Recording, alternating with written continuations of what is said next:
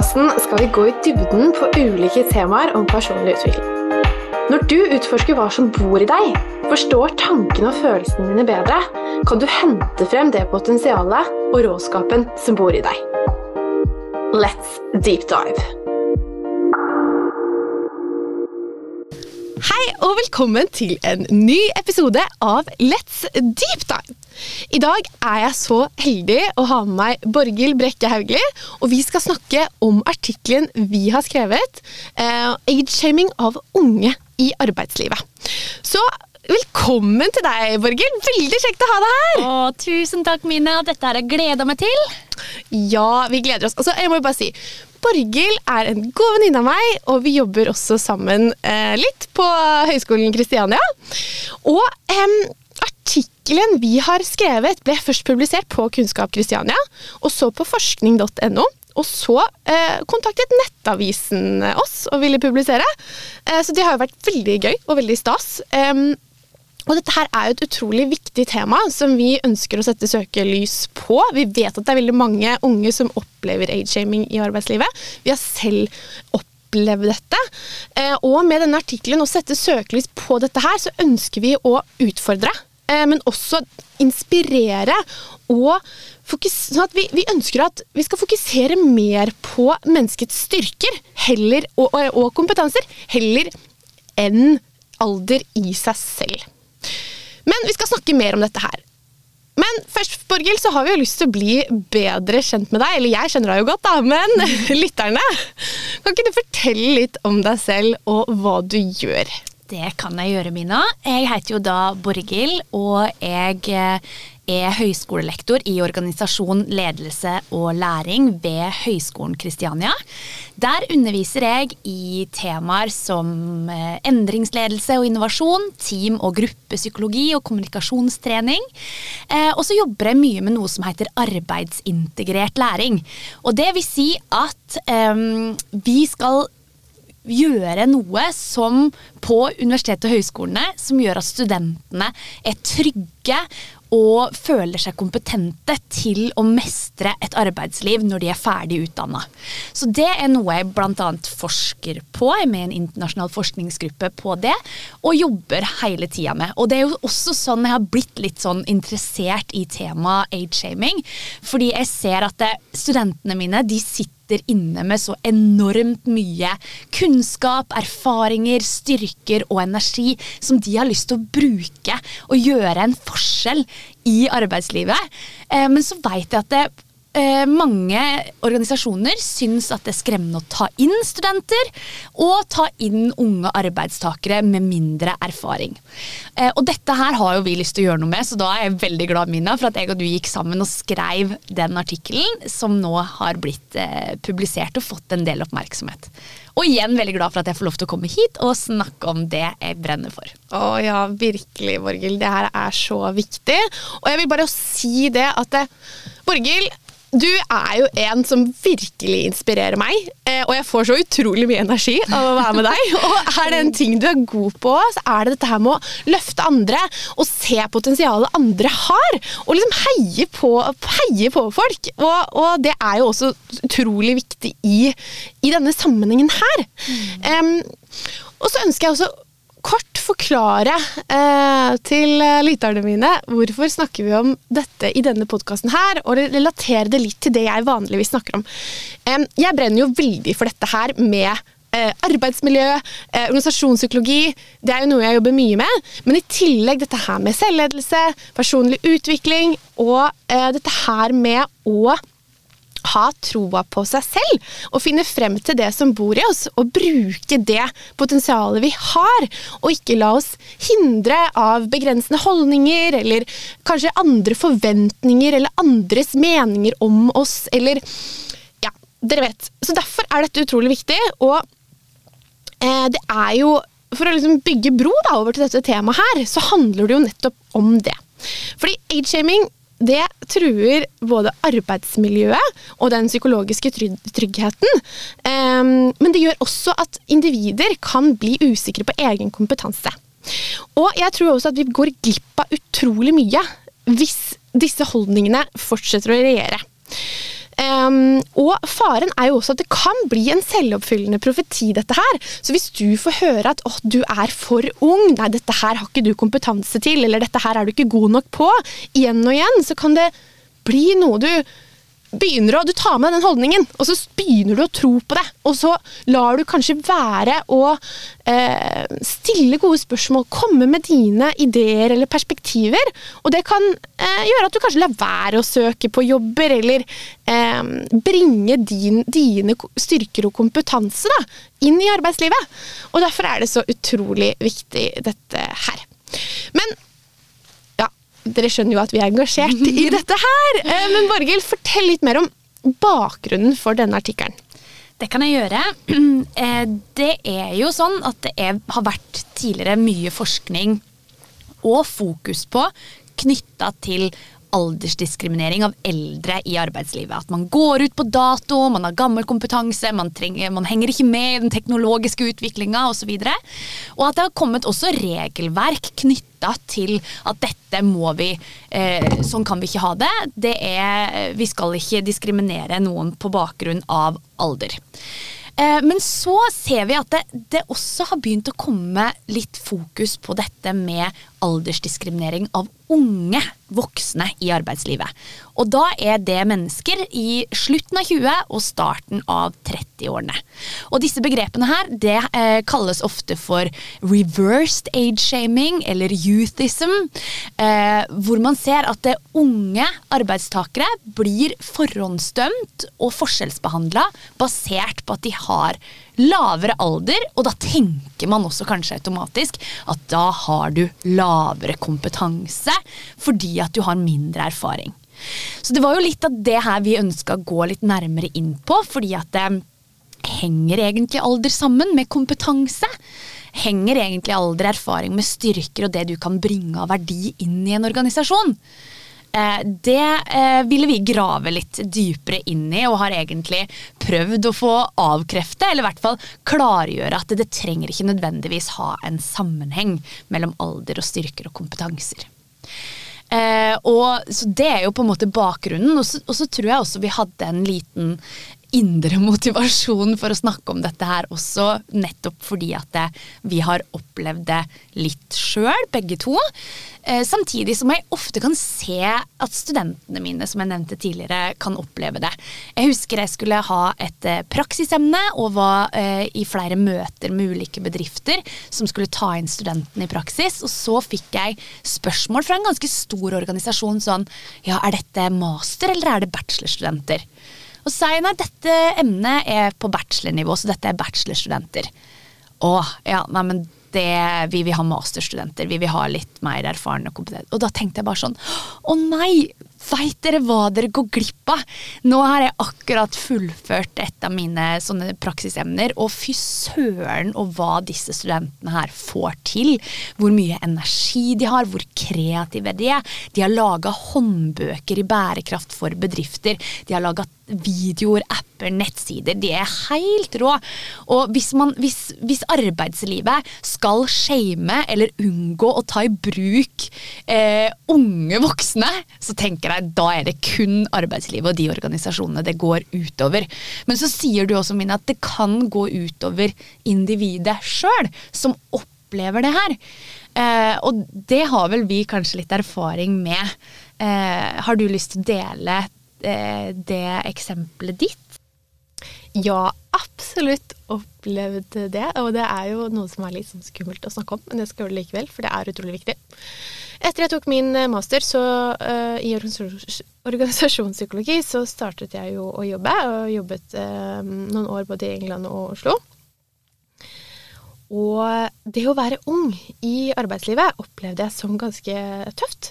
Jeg eh, jeg ble kjent med, og, eller fikk jobbe med veldig spennende folk. Kjempedyktige kollegaer eh, som har hatt lang erfaring i, eh, i bransjen, eh, og som jeg lærte masse av, og er veldig takknemlig for den, eh, den erfaringen. Men samtidig så ble jeg møtt eh, med en del kommentarer på at du er for ung, eh, du har ikke nok erfaring, dette, ikke, dette får, har ikke du lov å være med på fordi du har ikke nok erfaring. Du, og noen ting er jo selvfølgelig ja, vi, vi, kan diskutere det. Selvfølgelig er det noen ting man må Man må bygge seg opp eh, erfaring og kompetanse på noen områder for å gjøre noe. Men, men det var veldig ofte at jeg, jeg også møtte litt sånn ha-ha, liksom hva har du å si om det. Eh, du vet jo ikke hvordan, det har, hvordan dette her er, for du eh, er jo for ung, eller du har jo ikke peiling på dette her. Eh, og det var jo der, når du får høre de kommentarene igjen og igjen, så er jo det synd. Det som skjedde med meg, var jo at jeg opplevde at jeg hadde masse kunnskap etter etter endt utdanning.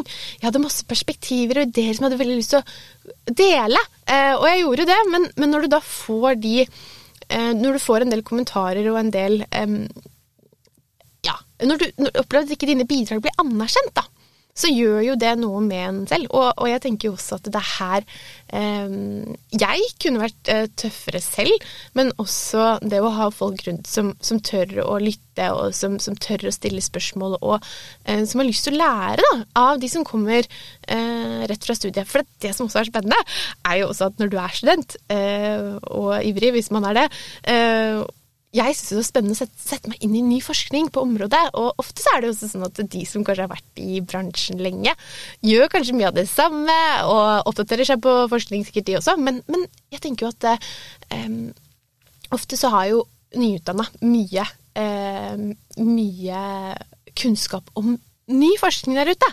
Og det er jo også kjempespennende. Så det er jo Ja. Så det er jo noe med det.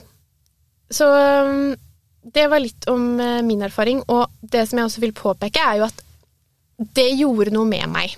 Det gjorde at jeg begynte å tvile mer på meg selv og, og hva jeg fikk til. Så jeg var nødt til å jobbe en del med meg sjøl i forhold til de tingene der. Fordi eh, når du får høre at du er for ung, du har ikke nok kompetanse, så er det lett å begynne å tro på det og tenke at nei, da kan ikke jeg søke på den jobben, og du kan i hvert fall ikke starte for deg sjøl, for du, du, er jo ikke god nok ennå, du må i hvert fall ha ti års erfaring, bla, bla, bla, bla. bla. Eh, og det var jo her jeg måtte jobbe med meg selv eh, og gå inn i meg sjøl og begynne å, eh, å lære meg selv å skjønne hva er mine styrker. For det som er, er at jeg fikk jo ikke brukt uh, alle de gode styrkene jeg har, nødvendigvis, i den, i den jobben.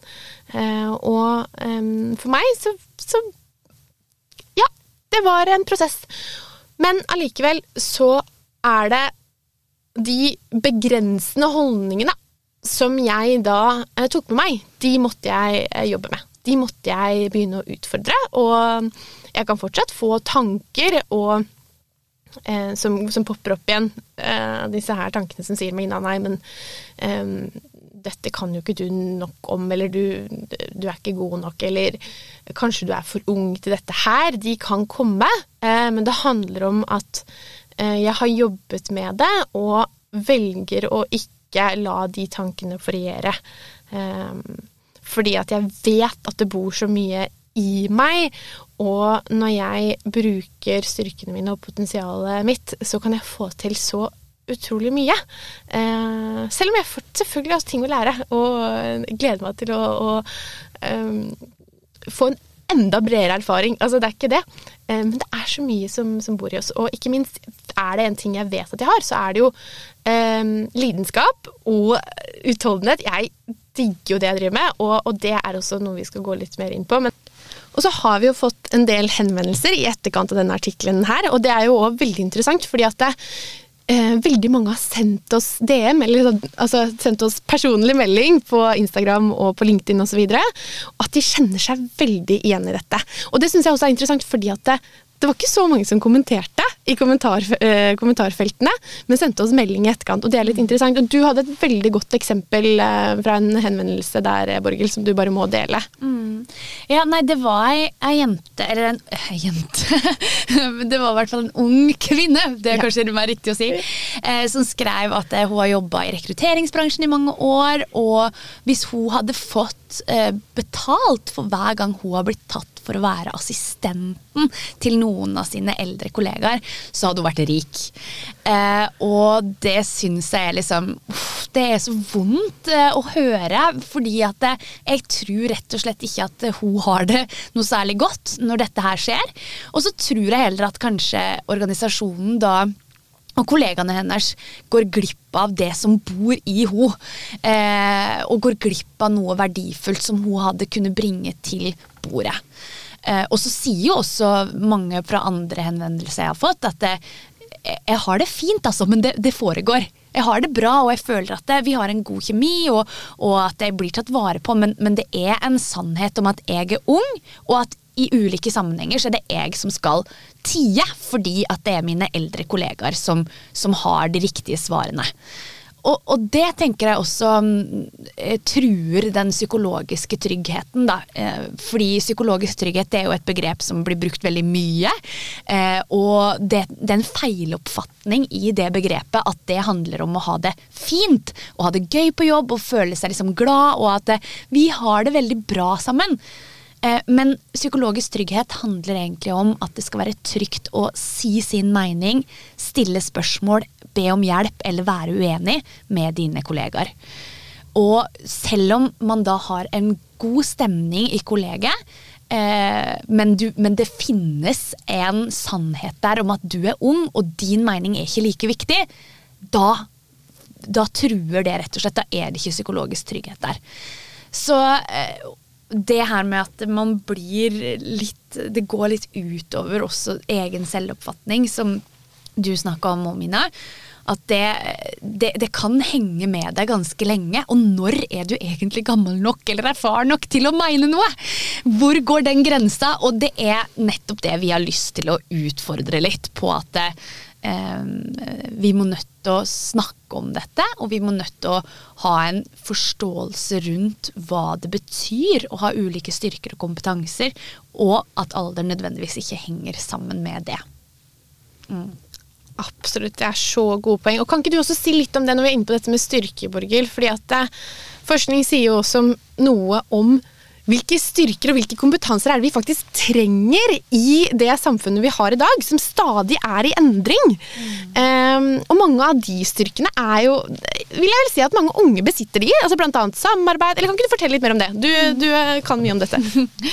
Eh, jo, det er jo gjort undersøkelser, eh, bl.a. av World Economic Forum, og så har også OECD lansert en rapport som heter Key Competences of the 21st Century, som handler om hvilke kompetanser og styrker ser vi er spesielt viktige for å lykkes som individ, men også som organisasjon i, det, eh, i, den tiden vi lever i nå, og den tida vi kommer til å leve i framover.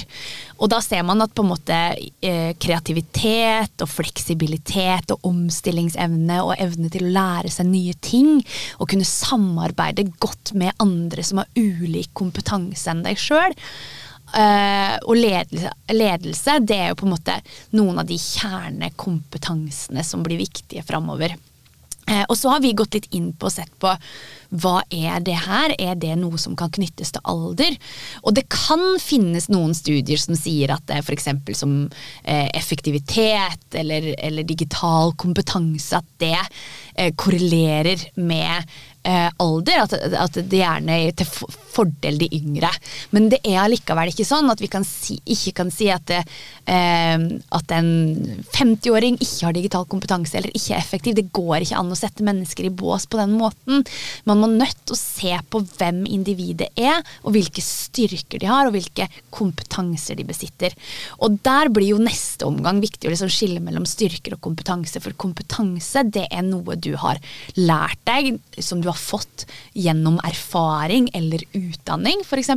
Det er noe du kan, en handling som du kan utføre noen oppgaver med. Eh, og eh, styrker, det er noen iboende egenskaper som gir deg energi av å bruke de. Sånn at eh, Eksempler på styrke kan være empati, detaljorientering, effektivitet og kreativitet. En annen ting som er veldig spennende eh, i denne sammenhengen her, er at forskning viser også at innsats, utholdenhet og lidenskap er like viktig, faktisk viktigere i mange sammenhenger, enn IQ. Og eh, dette kalles grit, eh, og det er jo et begrep dere kan lese mer om. Og det som er interessant med grit, er at det er også noe man kan trene opp. Um, og en annen ting er jo også i forhold til dette med age-shaming. For å kunne si noe eh, om man har en høy eller lav kompetanse på et område, så må man òg se nærmere på oppgaven eller målet med oppgaven man skal løse. Man kan ikke bare si ok, du, eh, du er ung eller du er gammel, så derfor kan du eh, gjøre det og har, har erfaringen. Lang erfaring kan i mange tilfeller føre til god kompetanse på et område, men tilsier ikke nødvendigvis riktig kompetanse for måloppnåelse. Så det er utrolig viktig. Og det har jeg lyst til å illustrere med dette eksempelet. Da si vi har eh, Per. Han er 57 år gammel. Han har 20 års erfaring med å utvikle markedsstrategier for startups. Han har tilegnet seg mange erfaringer som har vært eh, nyttige for hans kunder. Og så kan vi se eh, for oss Britt-Marit, 28 år, to års utdannelse, og hun kommer rett fra studiet. Og det som er med Britt-Marit, da, at hun har hun har noen styrker. Det er kreativitet, empati og samarbeid. Hun er i tillegg svært nysgjerrig, og hun har brukt mye tid de siste årene på å liksom tilegne seg og lære seg, følge med på sosiale medier, vite hva som er de nye trendene osv. Og så har vi Per. Han er derimot ikke så kreativ, men han, og er heller ikke så opptatt av dette her med liksom styrke kunderelasjoner. Han er kanskje ikke så god på samarbeid. Um, men han har jo lang erfaring og kan mye. Så um, for å nå målet da, med å skape en ny markedsstrategi for denne kunden, så trengs flere styrker og kompetanser. Både kreativitet, kompetanse på dette med å utvikle markedsstrategier, og man trenger også input på nye SoMe-trender. Eh, og I tillegg så er denne kunden her opptatt av at denne strategien de, de ønsker å liksom ha noe å si. De ønsker at liksom, eh, de vil gjøre, liksom, ha litt sitt, sitt, preg på dette her. Um, yes. Så dette eksempelet her sier jo på mange måter at det, det er flere faktorer som spiller inn her. ikke sant? Så hvis vi ser for at, at Per og Britt-Marit samarbeider om denne kunden her, så vil jo denne kunden her både få skikkelig god erfaring og kompetanse på dette med å utvikle markedsstrategi, for Per han har lang, lang erfaring, han. Men de får i tillegg kompetansen til Britt-Marit og styrkene hennes, som bidrar til at hun er god på å styrke kunderelasjoner, hun er god på å lytte, stille spørsmål. Samtidig så vet hun hva som er eh, viktig nå, nå, for tiden innenfor for SoMe. Um, og dette, dette syns jeg er et godt eksempel på, på, dette, på dette, her. Eh, og det er på en måte oppskriften litt på lykke, da, hvis vi kan dra det dit. Det er jo det at du får lov til å bruke eh, styrkene dine som gir deg energi, i kombinasjon med eh, kompetansene dine, noe du er god på og har lært deg. Det gir et veldig godt grunnlag for mestring og trivsel. Så for eksempel, hvis jeg skal ta det til meg, da, så har jeg for noen styrker som går på Eh, engasjement, hvis jeg får lov til å være engasjert over noe og snakke over temaer jeg brenner, om, øh, brenner for. Og hvis jeg tillegg Og så har jeg også noen styrker i det som du sa, Mina, å utvikle andre. Jeg syns det er veldig gøy å se andre vokse eller lykkes med noe. Hvis jeg kan bruke de styrkene i kombinasjon med å snakke om temaer eller eh, kompetanser jeg har innenfor pedagogikk, eller ledelse eller organisasjonsutvikling, så legger det et veldig godt grunnlag for at jeg kan trives og mestre.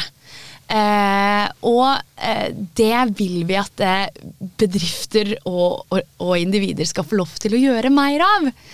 Eh, og det er også viktig da å påpeke at disse styrkene og kompetansene ikke kan knyttes til alder.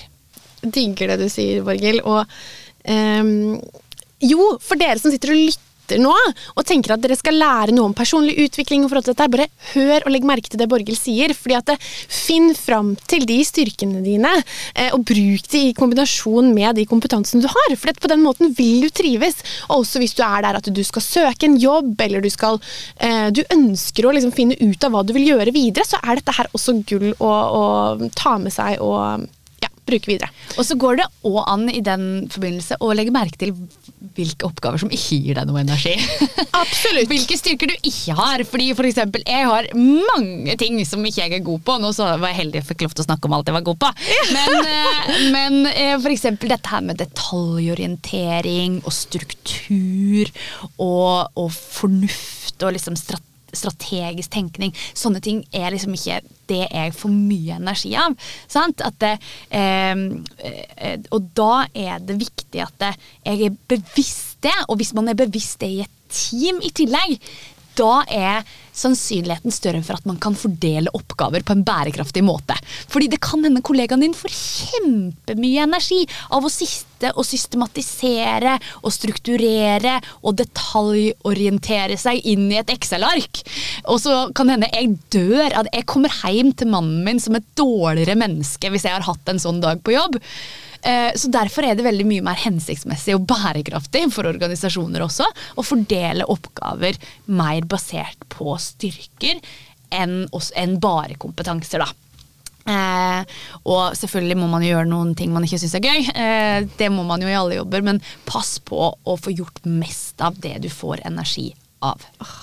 Absolutt. Da trives du bedre, du vil oppleve mer lykke og tilfredshet i livet, og det gagner jo alle, både deg selv og andre, de du er rundt.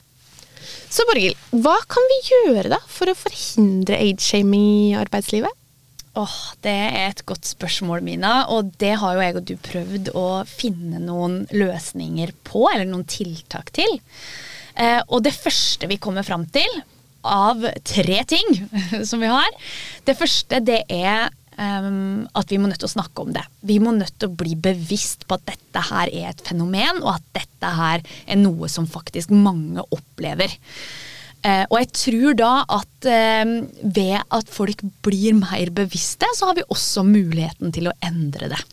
Det var en kollega av meg som sa at uh, a man is only Nei, a man who knows he's a fool is only half a fool. Og det vil si at det, Hvis du er bevisst det, så har du også muligheten til å endre det eller gjøre noe med det. Så jeg tenker at det, Hvis det er noen som går og kjenner at jeg har fordommer mot en kollega Jeg har en kollega jeg tenker er for ung. Eh, spør deg sjøl liksom sånn Hva har jeg av grunnlag for å mene det? Hva tror jeg egentlig det kommer av? Og, hvor, og gå litt inn i seg sjøl også, og bare stille seg sjøl de spørsmålene. For da har du også mulighet til å endre det. Og jeg tenker at det, hvis du opplever opplever age-shaming, hvis du har det sånn på arbeidsplassen, tør å ta med artikkelen, sleng den ned på bordet og stille spørsmålet liksom, hvordan har vi det egentlig her? Tror vi at det er noen som opplever age-shaming hos oss? Fordi ved å starte samtalen, så øker bevisstheten om det, og da øker også muligheten for å gjøre noe med det, tenker jeg. Men vi veit jo at det er vanskelig, da, Mina. Hadde du turt det i ditt eksempel og slengt artikkelen på bordet og sagt at eh, hei, hvordan har vi det egentlig hos oss? Ja, helt ærlig, der jeg var da, eh, så tror jeg kanskje ikke jeg hadde turt det. Eh, men den, med den eh, bevisstheten og kunnskapen jeg har nå, eh, og dette her med at man har jobbet med seg sjøl i forhold til disse tingene her, har hjulpet på. Så ja, nå ville jeg nok gjort det, og jeg tenker at um, det er viktig. Så se om du kan utfordre deg selv, selv om det er å gå utenfor komfortsonen. Gjør det, for det, det, er ikke sikkert det bare gagner deg selv, men det, det vil også være positivt for resten av arbeidsmiljøet, men også kanskje andre kollegaer som føler på det samme. Ja, og jeg tror liksom det er veldig lett for oss å sitte her og si det. Hvis ja. du står i en sånn situasjon sjøl. Eh, men eh, det kan også eh, hjelpe å høre at man ikke er aleine om det, og at det, eh, dette her Det definerer ikke deg, sjøl om du opplever dette mot deg. Eh, sånn at jeg tenker jo at det er en trygghet også i seg sjøl at man veit at dette her eksisterer. Absolutt. Jeg snakka også med noen som sa sånn Du, jeg har age-shama, jeg. Jeg fikk en ung kollega, eh, og så tenkte jeg veldig mye eh, om at oi, det her er en feilansettelse. Den personen her, den er ikke kompetent nok til å jobbe her. Og så endra jeg mening etter etter hvert som jeg ble kjent med personen. Og sånn tror jeg også det kan være i mange sammenhenger. At det, alle har fordommer. Det kommer vi jo ikke utenom. Og hvis du er ganske ung og kommer i en posisjon som kanskje ikke er så vanlig at unge mennesker kommer i, så er det kanskje naturlig at du opplever litt motstand. Eh, og første inntrykk eller første møte med kollegaer kan være litt sånn. Og så kan det også endre seg når man blir bedre kjent. Uh, og, og, og, det er nok kanskje litt av gamet også, at man, må, at man må av og til litt igjennom det. Og, og, det er jo selvfølgelig sånn at man skal anerkjenne de som har vært i en bransje lenge. De har noen verdifulle erfaringer som er viktige. Uh, og så håper vi at, uh, og, og mener at unge som kommer inn i en, sånn, i en bransje, kan også være med på å utfordre eller påvirke i riktig retning, da. Absolutt. Og så tenker jeg også en annen ting man kan gjøre, er det, dette her med å stille spørsmål. liksom Undrende spørsmål. Man trenger ikke å gå inn der og Her er det jeg opplever age-shaming, her må vi gjøre noe. Altså, Det går an å stille liksom hmm, Sånn som du sa, dette her med Kan det være at vi Er det age-shaming her, eller er det noe Liksom Still disse gode spørsmålene. Eh, det trenger ikke å liksom være veldig sånn bastant, eller Det kan hjelpe på til å skape en undring, til at vi kan begynne å tenke annerledes på ting. Så det tenker jeg er viktig. Men er det andre ting da, Borghild, som vi kan gjøre? Ja, vi har jo et tiltak til, Mina. Eh, og det er jo litt inspirert av eh, et filosofisk prinsipp fra dialogen, egentlig. Den norske filosofen Hans Skjervheim han bruker begrepene deltaker og tilskuer når han snakker om hvordan man kan møte et annet menneske. Og du møter en annen som deltaker ved å komme med påstander som du inviterer den andre til å være uenig med deg i. Og du tør å lytte til dens mening og virkelig ta innover deg meninga til den andre personen. Eh, og kanskje liksom også være åpen for at dine egne antakelser eller meninger er feil. På en annen måte så kan du møte eh, andre eh, som en tilskuer. Og da kommer du med faktum.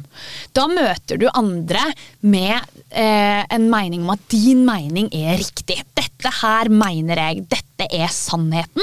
Jeg er ikke villig til å lytte på dine meninger. Jeg er ikke villig til å endre min egen mening.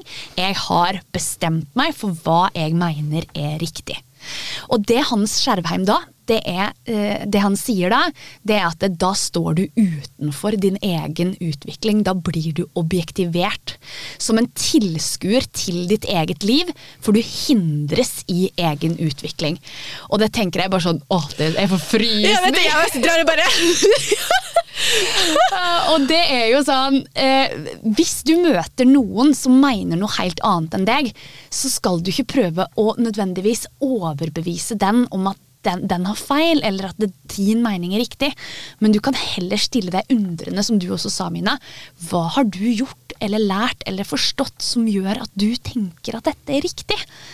Eh, og eh, jeg tenker at det, hvis vi veit det, så vil du kanskje møte den unge kollegaen din mer med nysgjerrighet og åpenhet om at hva har du lært, hva er du opptatt av, hva syns du er viktig? Fordi vi har alle noe å lære av andre som er ulik deg sjøl. Og hvis du tenker at jeg har ingenting å lære av den eller den, ja, men da står du egentlig utenfor din egen evne til å utvikle deg også.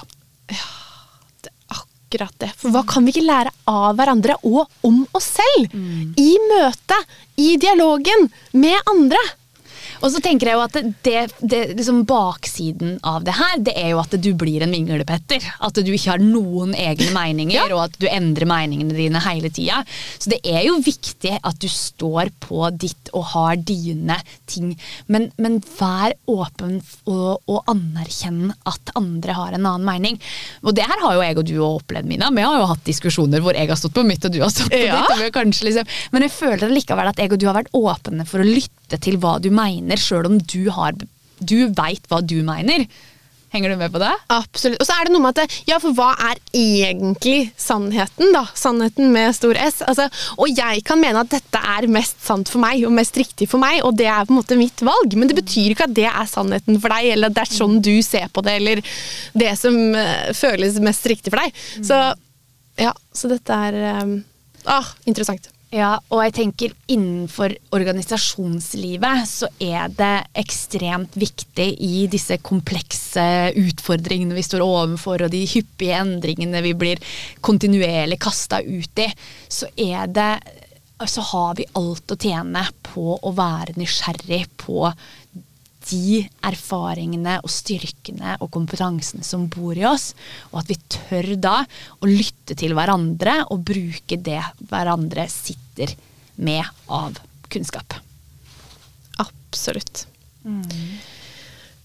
Ja, er det noe mer vi liksom eh, Nå føler jeg vi har vært innom veldig mye.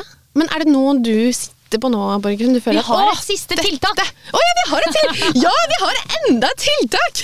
Ja, men du, Kjør på! Vi må ha med alle tiltakene. Det henger, det henger, jo egentlig litt sammen. Det tredje og siste tiltaket det er læringsholdning. da. Så det er jo egentlig henger veldig sammen med eh, dette med dialogen. At du har alltid noe å lære av andre som er ulikt deg sjøl.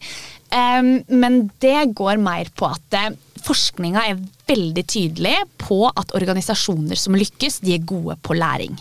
De er gode på uh, at de tør, altså medlemmene i organisasjonen tør å stille spørsmål, søke feedback, tør å innrømme feil de har gjort, eller usikkerhetene sine. Eh, og også kunne være uenig med hverandre, sånn som jeg om i sted, At du kommer med påstander. Dette her er din mening, eh, som du tillater andre å være uenig med deg i.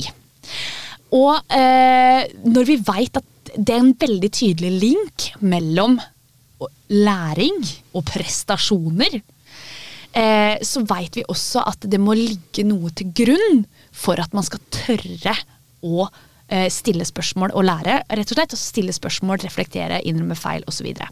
Og da, da kommer vi jo tilbake til psykologisk trygghet, som vi har snakka om, eh, Mina. Og det handler rett og slett om at hvis jeg gjør en dårlig jobb, eller er usikker på noe jeg gjør i min klasse f.eks., at jeg tør å gå til en kollega eller leder og si sånn Du, jeg er litt usikker på det her.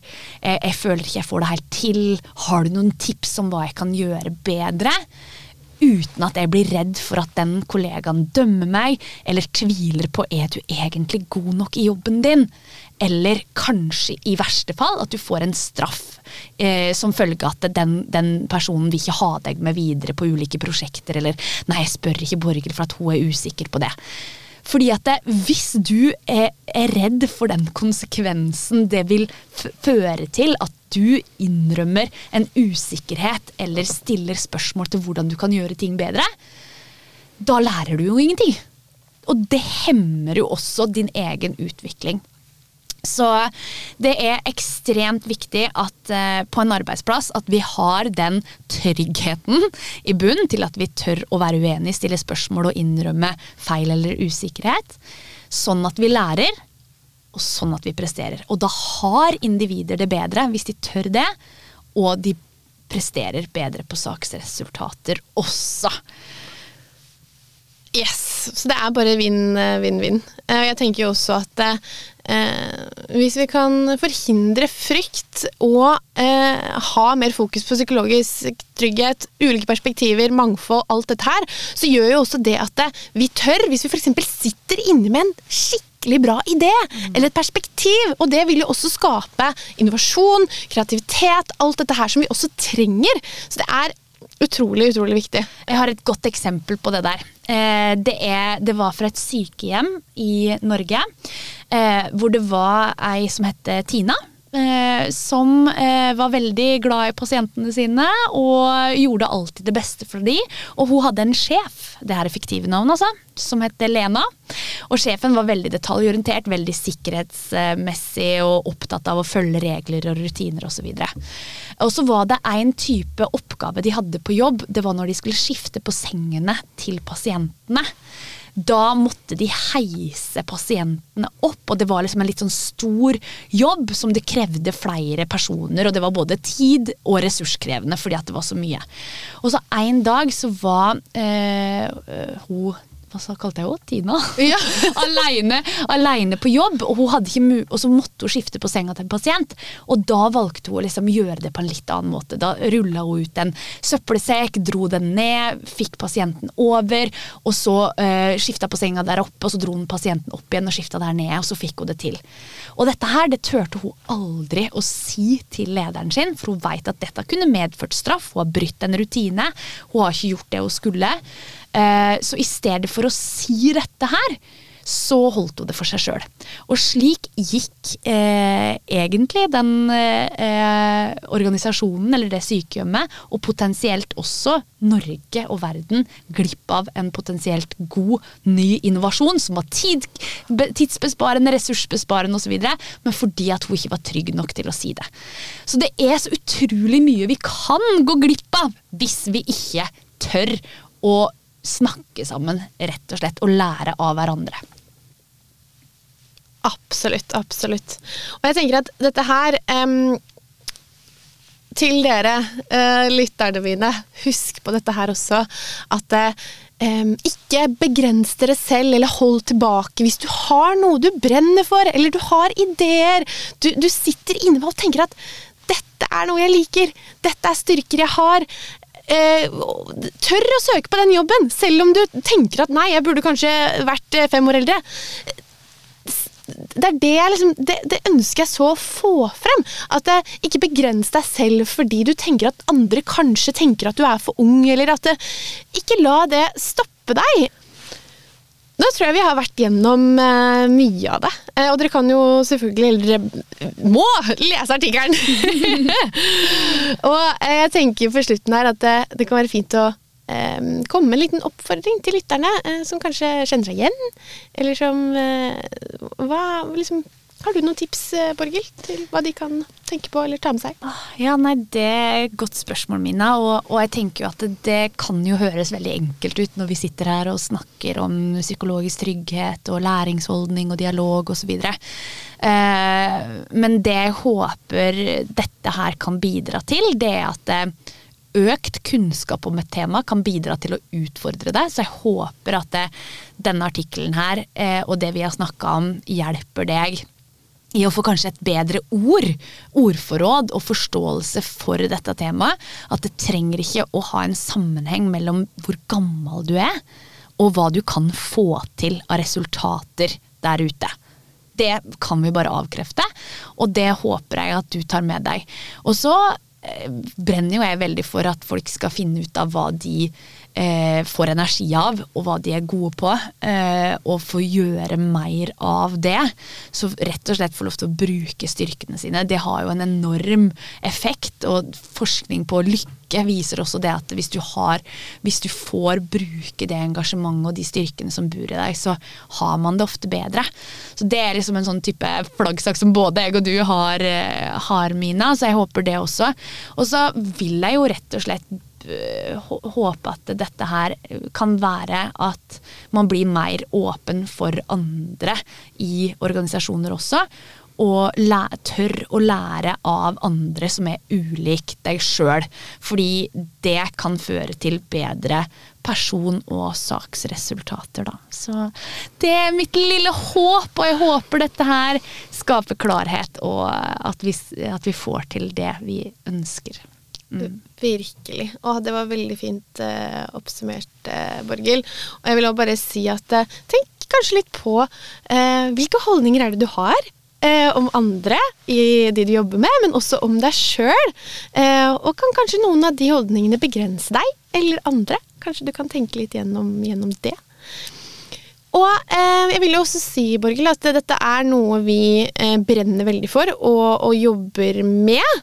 Eh, så hvis eh, du der ute tenker at eh, åh, dette hadde vært spennende å lære mer om i vår organisasjon eller bedrift, så eh, ta kontakt med meg og Borghild. Fordi vi det, det, høres liksom veldig enkelt og greit ut, disse tiltakene, men det å faktisk få litt hjelp til å implementere noe av dette her, og, og jobbe mer med dette Så hvis dere er interessert i det, så er det det bare å kontakte oss. Yes! Da tror jeg vi eh, takker for eh, oss. tusen hjertelig takk for at du ble med i dag, Borghild. Det har vært så gøy! Tusen takk for at jeg fikk lov til å være med, Mina. Og veldig hyggelig å hilse på lytterne dine, litt sånn indirekte. så gøy. Så gøy. Dette var Let's Deep Dive. Og ønsker du å ta dette videre, eller du har noen spørsmål, forslag til gjester eller tema, gi en lyd. Eh, og hvis du eh, kjenner deg igjen, eller kanskje vet om noen som kjenner seg igjen i dette temaet her, del episoden, min, eh, episoden med de da. Vel? Jeg har litt sånn rare formuleringer på slutten her, men sånn, det går bra. Legg igjen en kommentar eller rate podkasten. Det er veldig, veldig hyggelig. Um, og så snakkes vi. Ha det bra!